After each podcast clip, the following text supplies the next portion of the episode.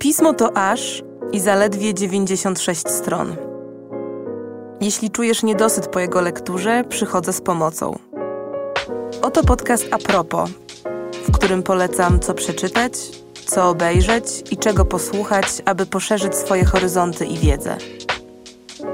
Zapraszam, Zuzanna Kowalczyk.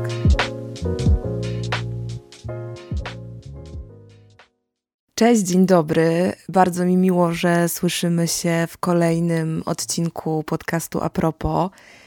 Z nagrywaniem podcastu jest trochę tak, że nie zawsze da się wybrać najlepszy, najbardziej optymalny moment do jego nagrywania. I jak pewnie słyszycie, nie jest to mój najbardziej wymarzony i optymalny moment do nagrywania. Listopad dopadł również mnie i niestety trochę będę Wam dzisiaj do uszu chrypić, ale mam nadzieję, że nie będzie to zbyt uciążliwe. I trochę mi przykro, że takim właśnie głosem muszę powiedzieć to, co na wstępie muszę powiedzieć, ale pewnie żaden moment nie byłby idealny i do końca odpowiedni. Ponieważ choć ten wstęp brzmi jak wszystkie poprzednie, to nie jest to do końca taki sam wstęp jak wszystkie poprzednie, ponieważ jest to ostatni wstęp w tym podcaście. Podcaście, który nagrywam od jak wyszło z moich skrupulatnych obliczeń czterech lat. Zaczynałam od lektury swojego felietonu, który publikuję na ostatniej stronie każdego numeru pisma. Później tę lekturę poszerzyliśmy właśnie do formuły podcastu, w którym nie tylko więcej opowiadam, ale też polecam więcej rozmaitych tekstów kultury. A jeszcze później do tych comiesięcznych odcinków dołączyły doraźne odcinki dodatkowe, które realizowałam z różnymi instytucjami kultury. Ale cztery lata to naprawdę długo. Zresztą, jak słyszycie, żeby ten podcast mógł powstawać regularnie, to nieważne, czy gardło wysiadło, czy gorączka trawi głowę. Odcinki, na które czuję się też z Wami umówiona, powstawały i powstają ale podjęłam decyzję, że zakończę to moje regularne gadanie. Felieton na propos, którego ten podcast był, no i jeszcze jest rozszerzeniem, dalej będę pisać i publikować w każdym numerze pisma.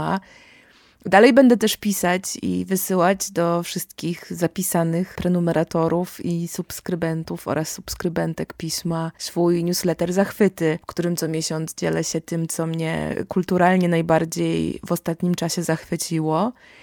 Więc nie jest tak, że zupełnie zamilknę w temacie poleceń kultury. A z nowości trochę skłamałam, mówiąc, że przestanę gadać regularnie, bo będę gadać, ale w nieco innej formule, ponieważ od nowego roku będę mieć wielką przyjemność prowadzić nasze comiesięczne spotkania z cyklu Premiera Pisma czyli debaty, które co miesiąc organizujemy w temacie związanym z nowym numerem a które oprócz fizycznej, comiesięcznej obecności w Teatrze Studio w Warszawie, do której to obecności bardzo Was zapraszam i zachęcam, są również rejestrowane i udostępniane Wam jako podcast. Więc choć w podcaście a propos zamilknę, to dla równowagi zabiorę głos w podcaście Premiera Pisma. Więc bardzo Was zachęcam do śledzenia. I choć to dziwne uczucie nagrywać ostatni odcinek po tak długim czasie bardzo regularnego nagrywania, to cieszę się, że tym ostatnim odcinkiem będzie odcinek właśnie w takim, a nie innym temacie, czyli odcinkiem a propos relacji nieromantycznych.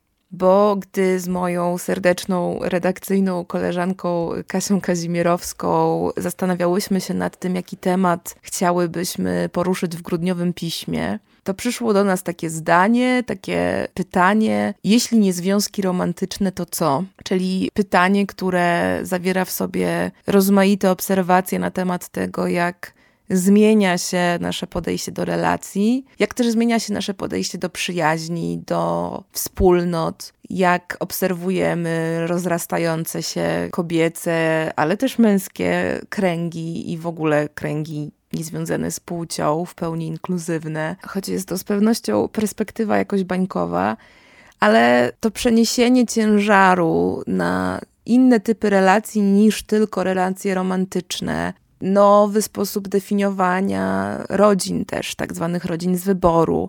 Rosnąca liczba, jakieś takie bardzo pokraczne hasło, ale tak zwanych jednoosobowych gospodarstw domowych te wszystkie zjawiska, które dzisiaj obserwujemy, dość jednoznacznie pokazują, że relacyjność podlega bardzo gruntownym przeobrażeniom i jest to bardzo ciekawe, aby się im przyjrzeć i przez to być może zadać sobie kilka ważnych, kilka ciekawych, może trochę nieoczywistych pytań na temat własnych relacji i tego, jak my do relacji podchodzimy.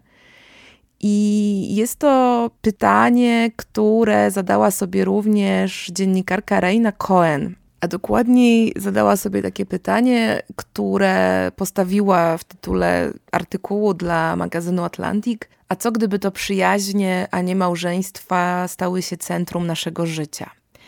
I to jest takie pytanie, które niby nie jest jakoś w pierwszym odruchu, pierwszej intuicji, szczególnie wywrotowe, ale jednak, gdy pomyśleć nad tym, w jaki sposób skonstruowany jest nasz system społeczny i też jakiego typu przekazy formułuje dla nas kultura, to można dojść do wniosku, że to pytanie w gruncie rzeczy wywraca ogrom porządku.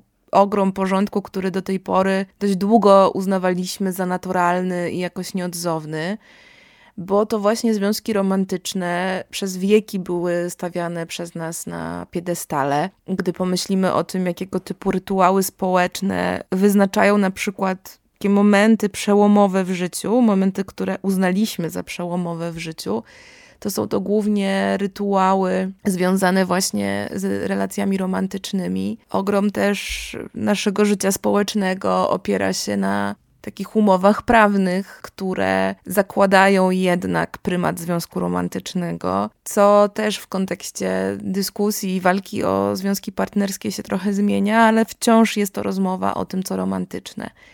Bo tych relacji mamy w życiu dużo więcej i Reina Cohen przede wszystkim e, przerzuca ten snop światła z związków romantycznych na przyjaźnie, ponieważ w związku z tymi najróżniejszymi zmianami, które dzieją się wokół nas, też rosnącą liczbą rozwodów, też rosnącą liczbą takich świadomych i naprawdę dokonanych z świadomego wyboru decyzji o życiu singielskim, co nie znaczy samotnym.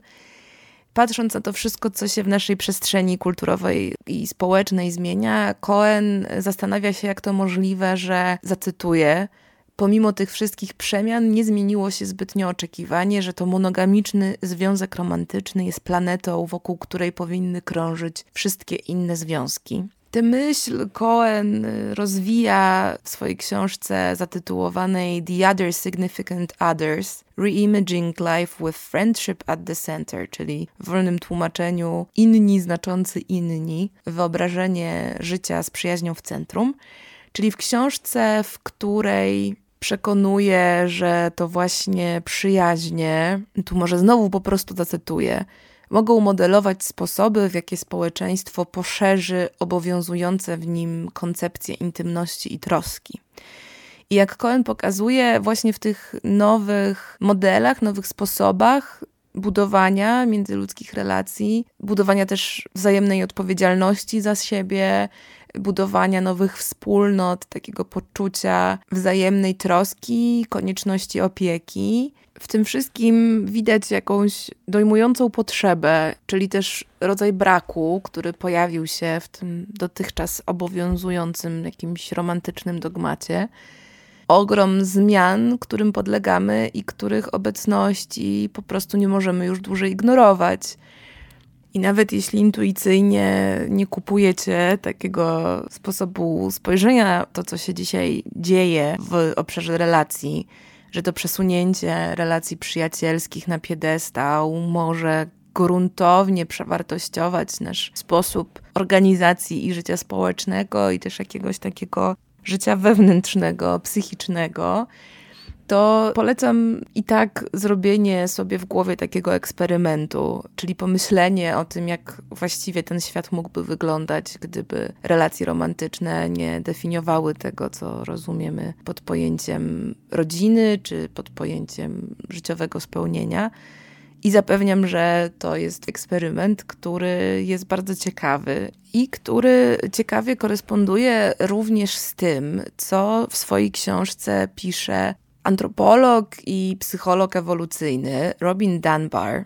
Książka ta nosi tytuł Przyjaciele o prawdziwej mocy naszych najważniejszych relacji. I w książce tej Dunbar pisze na przykład, że przyjaźń i samotność to są dwie strony tego samego medalu i przywołuje badania, z których wynika, że tu zacytuję. Najwięcej cierpienia psychicznego doświadczają mężczyźni nie mający przyjaciół i pozbawieni wsparcia społecznego, a im więcej mamy przyjaciół, tym jest mniej prawdopodobne, że zachorujemy i tym dłużej będziemy żyć. Bardzo podobne wnioski potwierdza też psycholożka Marisa G. Franco. To jest autorka książki Przyjaźń w czasach samotności o znaczeniu i budowaniu więzi w dorosłym życiu. I jest to książka, w której Franco zwraca uwagę na to, że wciąż w takim ogólnospołecznym wymiarze bardzo mocno nie doceniamy tej roli przyjaciół w naszym życiu. Mimo tego, że to właśnie ta siła przyjacielskich więzi, ten rodzaj przyjacielskiej bliskości, według badań okazuje się jednym z najważniejszych czynników warunkujących nasze poczucie szczęścia i nierzadko jest to czynnik warunkujący nasze szczęście o wiele mocniej niż właśnie nasze relacje romantyczne. Więc zachęcam do tego, aby przyjrzeć się własnemu systemowi wartości w tym zakresie, ale przede wszystkim temu, co nas uszczęśliwia i w jaki sposób układamy te relacje w jakiejś hierarchii bo książki naukowe jednoznacznie przekazują informację, że status związków przyjacielskich w naszym życiu ma niebagatelne znaczenie dla naszego zdrowia i samopoczucia. A ja zaczęłam się w związku z tym zastanawiać nad tym, dlaczego jest nam tak bardzo ciężko tę przyjaźń i inne też relacje nieromantyczne postawić w innym miejscu. Dlaczego te relacje romantyczne tak mocno zdominowały naszą wyobraźnię? Bo odpowiedź, że kultura wydaje mi się jakaś za prosta i jakoś za mało wyczerpująca, bo kultura też skąd się bierze i też mamy wpływ na to, jak jest kształtowana. I myśląc o tym, przypomniałam sobie, że przecież przewspaniale pisała o tym na łamach pisma moja serdeczna, również redakcyjna koleżanka, czyli Karolina Lewestam, w tekście zatytułowanym Po co nam dziś przyjaźń? I to jest tekst, w którym Karolina pochyliła się właśnie nad tym statusem przyjaźni i też tym, dlaczego tak ciężko nam w ogóle tę przyjaźń jakoś ulokować w systemie i społecznym, i w kulturze, i też w jakiejś własnej hierarchii. I pisała choćby tak: Choć potrafię mówić o przyjaciołach i opowiadać o przyjaźni, nie umiem składnie wytłumaczyć, czym jest sama przyjaźń. Jej definicja pozostaje poza moim zasięgiem. Nie musi to być jednak moja wina. Przyjaźń nie posiada bowiem, zauważcie, swojego własnego języka. Żeby się opisać, zapożycza się miłości, bierze kredyt rodziny, podbiera polityce. Przyjaciel jest jak brat minus geny, jak towarzysz minus wspólny cel, jak ukochany minus ciało. Przyjaciel, wybrakowany kochanek, aspirant więzów krwi, żywiej zainteresowany współobywatel. I dalej Karolina powołuje się na książkę filozofa Aleksandra Nehemasa.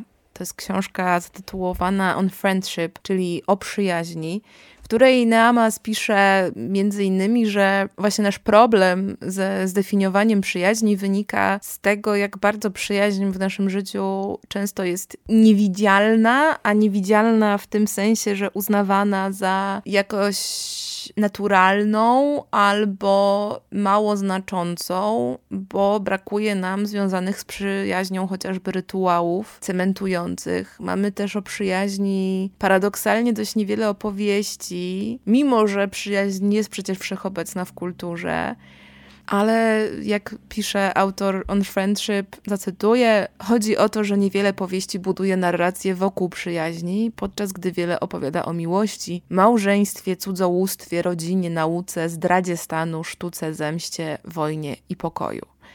Ogromnie Wam polecam i tę książkę, ale przede wszystkim tekst Karoliny, w którym też te myśli dalej rozszerza, ale nie chcę podkradać jej rewelacyjnych pomysłów i przemyśleń, więc po prostu odsyłam do tekstu Karoliny. A jeśli nie macie do niego dostępu, to jak zawsze przypominam o kodzie zniżkowym na dostęp online do pisma o treści a propos.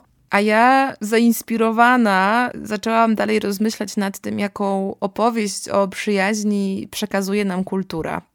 I zdałam sobie sprawę, że w sumie to większość książek i filmów, które zachwyciły mnie jakoś w ostatnich latach, to były teksty, które opowiadały świat właśnie przez pryzmat relacji nieromantycznych. I to zarówno tych przyjacielskich, i tu przede wszystkim na pierwszy plan wybija mi się moja wielka miłość do tetralogii neapolitańskiej Eleny Ferrante, ale też choćby niedawno obejrzany film Duchy i Nisherin w reżyserii Martina McDonaha, który opowiada z kolei o trudnej przyjaźni dwóch mężczyzn. A, a mówię z kolei, bo tetralogia neapolitańska to opowieść o trudnej przyjaźni dwóch kobiet. A takim drugim planem tych relacji nieromantycznych, który wydaje mi się bardzo ciekawie opowiadany w różnych doskonałych tekstach kultury, są oczywiście więzi rodzinne. I tu moim odkryciem tego roku jest absolutnie wspaniała powieść Fatmy Aydemir Giny. To jest książka, która opowiada o rodzinie tureckich migrantów w Niemczech. Przypomniał mi się też film Charlotte Wells After Sun to jest z kolei film, który opowiada o relacji ojca i córki. No i gdy tak właśnie zaczęłam o tym wszystkim myśleć, to zaczęłam zastanawiać się nad tym, dlaczego to właśnie te związki nieromantyczne jakoś w tekstach kultury, które mnie ostatnio zachwycają, są na głównym planie. I jedna z tez, którą mam, jest taka, że jeśli idzie o związki romantyczne, to tych opowieści powstało już tak wiele, że trochę zaczęliśmy się kręcić wokół nich w kółko. Znaczy, mam wrażenie, że dużo trudniej napisać dobrą książkę o miłości, która unikałaby kiczu, unikałaby jakichś takich bardzo banalnych klisz, podczas gdy w przypadku opowieści o rodzinach czy o przyjaźni, tych klisz jest zdecydowanie mniej i o ten kicz otrzeć się jest dużo trudniej a ponadto ta perspektywa tych relacji romantycznych też jest dużo szersza, dużo bardziej inkluzywna i przez to być może trochę łatwiejsza nawet do opowiadania świata w jego złożoności. I to, że kultura przez wieki stawiała w centrum naszego wspólnotowego istnienia właśnie związki romantyczne, sprawiło, że w obliczu tych zachodzących dzisiaj zmian, choć mamy do opowiedzenia w temacie związków romantycznych wiele nowego, to dużo trudniej o tym opowiadać w taki sposób, aby to było odkrywcze, niebanalne, aby nie ocierało się właśnie o ten gigantyczny kicz, który wisi nad związkami romantycznymi jak takie wieczne przekleństwo. I właśnie o tym poniekąd o tym przede wszystkim, jak zmieniał się w perspektywie historii status relacji partnerskich. Doskonale pisze o tym szwajcarska dziennikarka i pisarka Mona Cholet, autorka takich książek jak Czarownice, Niezwyciężona siła kobiet. To jest książka, o której już w apropos wspominałam. Niedawno też ukazała się po polsku jej inna książka, czyli książka Wymyślić miłość na nowo, jak patriarchat sabotuje związki między mężczyznami a kobietami. I obie te lektury bardzo Wam polecam, bo w ciekawy sposób otwierają oczy na to, jak pryzmat bardzo określonej wizji relacji damsko-męskich, bo też podkreślmy, to najczęściej są opowieści heteroseksualne, jak ta wizja definiowała przez wieki nasze role społeczne. I to w jaki sposób, utwierdzając te role społeczne, starała się zachować pewien status quo, aby ten status quo zapewnić Chodziło właśnie o to, aby wynosić ponad inne formy relacji, na przykład ponad relacje przyjacielskie, takie relacje, które nie tylko służą prokreacji, ale które też cementują pewien określony porządek społeczny. I dalej Szole też przygląda się temu, jak w konsekwencji na przykład relacje przyjacielskie pomiędzy kobietami uznawano za niebezpieczne bo właśnie zagrażały systemowi. Systemowi, w którym kobieta potrzebuje mężczyzny do przetrwania.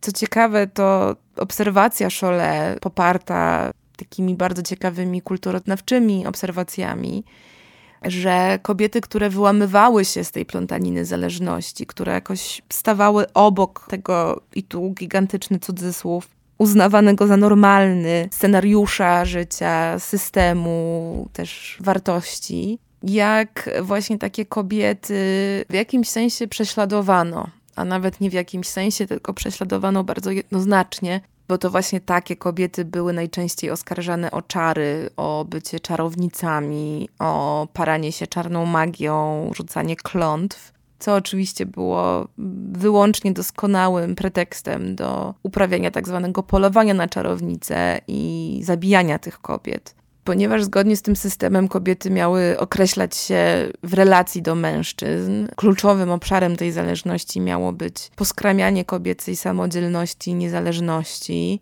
Więc o czary oskarżano również kobiety, które interesowały się chociażby nauką, które próbowały same na siebie zarabiać, które w jakimkolwiek wymiarze przejawiały skłonność do jakiegoś wolnomyślicielstwa i niezależności.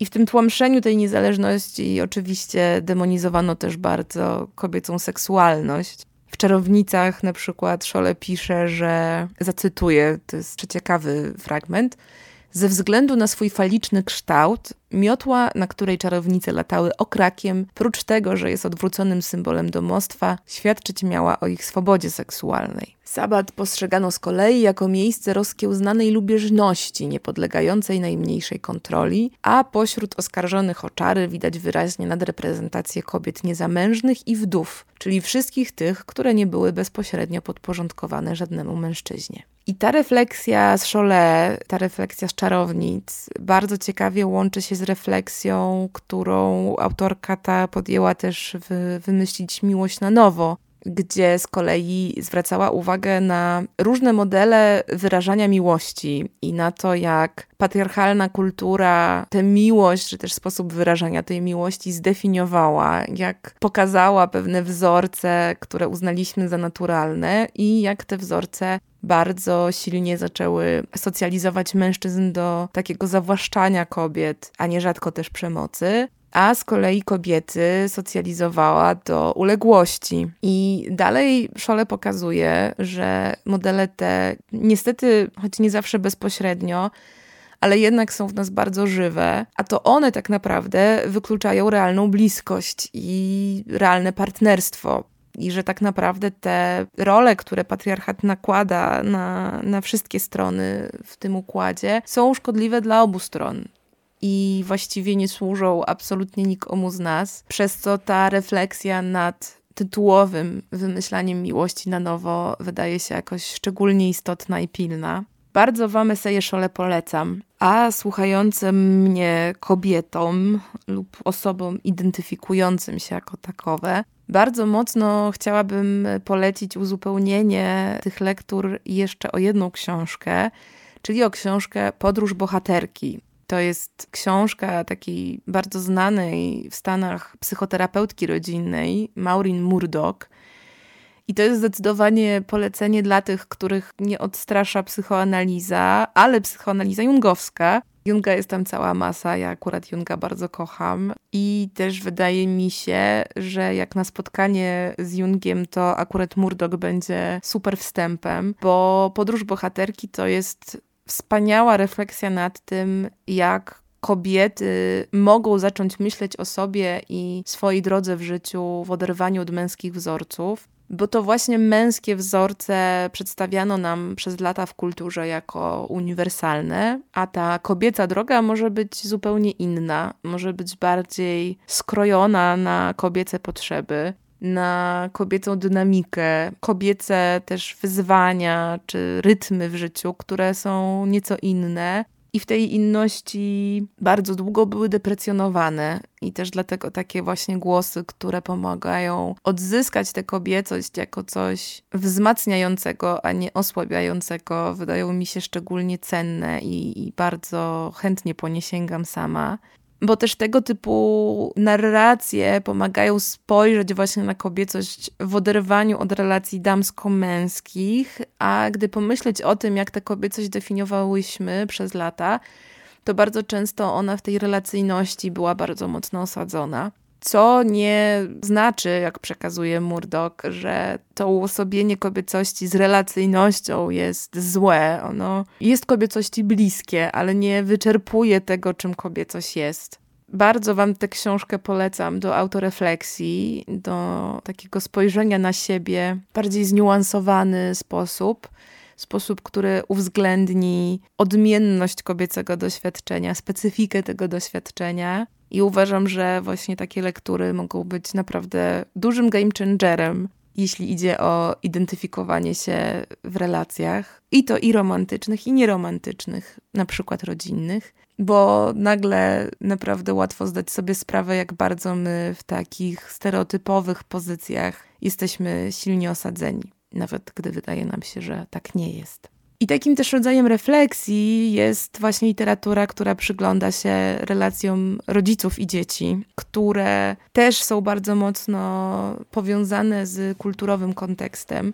I o tym z kolei w kontekście tego, jak w relacji matki i córki spotykają się rozmaite napięcia, o czym też zresztą znakomicie pisze Murdoch, też świetnie o tym pisze pisarka, aktywistka i feministka Vivian Gornick w swojej książce Przywiązania. I o tej książce wydaje mi się, że też już przynajmniej raz w a propos wspominałam, ale chętnie wspominam o niej znowu, bo jest to dla mnie przykład w książki, w której poprzez takie uważne spojrzenie na własną historię odkrywa się stopniowo szersza refleksja nad tym, jak różnice pokoleniowe i światopoglądowe, w tym też właśnie pomysły na to, jak powinny wyglądać nasze relacje, jak powinny wyglądać modele jakiegoś społecznego współżycia, jak te wszystkie kwestie odrywają nas od siebie, w przypadku Gornik akurat rodziców i dzieci, ale też jak ten związek rodziców i dzieci pozostaje nierozerwalny. Jak on w przypadku córek i matek jest zawiły, trudny, też właśnie z tych względów kulturowych, tego co kultura na nas długo narzucała, ale jak te więzi są ważne dla tego, jak o sobie myślimy, o tym, jak patrzymy na świat i o tym, jak mierzymy się z własną tożsamością, bo o tożsamości ogornik jest dużo. Mierzy ona się w przywiązaniach właśnie ze swoją tożsamością kobiety, tożsamością Żydówki, mm, tożsamością osoby pochodzącej z klasy robotniczej. A mówiąc o tożsamości kobiety, mam też na myśli kobietę, która odmawia definiowania siebie poprzez relacje z mężczyznami, a do tego, co wbrew pozorom szczególnie trudne, z tożsamością córki. Choć tą córką jest i tą córką pozostaje, próba zredefiniowania tej relacji tak nie uwierała, jest dla mnie jakąś ważną opowieścią o relacjach nieromantycznych a kluczowych w naszym życiu. Od męskiej strony o perspektywie relacji z matką pisał z kolei Marek Bieńczyk w książce Kontener. Co prawda on głównie konfrontuje się tam z kwestią żałoby po śmierci, z doświadczeniem żegnania się z tą relacją. Przez co jest to też zbiór refleksji nad tym, czym ta relacja w ogóle w zasadzie jest i jak określić siebie bez niej, gdy ją tracimy. I co ciekawe, jest to esej, który jest według mnie jednocześnie bardzo osobisty i bardzo nieosobisty. Osobisty z oczywistych przyczyn, to znaczy Bieńczyk mierzy się z własnym doświadczeniem straty mamy i dużo o tych własnych, bardzo prywatnych emocjach w tej książce pisze. Ale jednocześnie jest to taki silnie intertekstualny esej, który łapie różne konteksty, różne inne opowieści o stracie, i to właśnie stracie relacji, która jest tą relacją choćby z fundamentalnego, bo egzystencjalnego punktu widzenia najważniejszą, a jednocześnie bardzo ciężko uchwytną, bardzo zawiłą i bardzo mocno przesuniętą z pola widzenia. I w związku z tą niemożnością nazwania pewnych rzeczy, niemożnością, o której Karolina Lewestam pisała w swoim tekście o przyjaźni, w kontekście przyjaźni, jakąś taką niewydolnością właśnie języka wobec tych relacji. Z tym problemem Bieńczyk radzi sobie właśnie sięganiem po literaturę i szukaniem w innych tekstach kultury różnych śladów, podobieństw i różnic, aby określić siebie wobec tej już nie niewiadomej, ale właśnie wobec tego splotu różnych doświadczeń i różnych opowieści. I też tak sobie pomyślałam, że trochę z tą pozycją relacji nieromantycznych w naszym życiu jest, że aby przesuwać te środki ciężkości, to kultura jest nam do tego celu niezbędna jest dla niego nieodzowna i też dlatego właśnie przez pryzmat kultury można te refleksję jakoś uelastyczniać i, i szukać siebie dzięki temu w nowej, w nieco innej siatce układów, która może być niebanalna, może być trochę inna, a jakakolwiek by nie była, chodzi w niej o doświadczenie jakiejś realnej, niepodważalnej, takiej międzyludzkiej bliskości, którego wszyscy potrzebujemy. A taką bliskość, jak przekonuje choćby Vivian Gornik, mogą też zapewnić relacje nieromantyczne, i to również w scenariuszu w rodzaju i żyli długo i szczęśliwie. I to zdanie, i żyli długo i szczęśliwie, wydało mi się ładną puentą na koniec nie tylko tego odcinka, ale w ogóle tego podcastu. Przeogromnie Wam dziękuję za te regularne spotkania w słuchawkach, za przesyłane mi wiadomości, za dzielenie się swoimi poleceniami w tych poruszanych przeze mnie tematach. To było super doświadczenie, które nie miałoby zupełnego sensu, gdyby nie wasza obecność, wasza chęć słuchania tych odcinków. Więc przeogromnie wam za bycie ze mną w tym podcaście dziękuję. I jak wspomniałam na początku, nie milknę całkiem, więc pozwolę sobie mimo wszystko pożegnać się tak, jak zwykłam to czynić do tej pory choć tym razem z ogromnym podziękowaniem do słuchania tego odcinka do końca. A zatem do usłyszenia, choć może nie niebawem.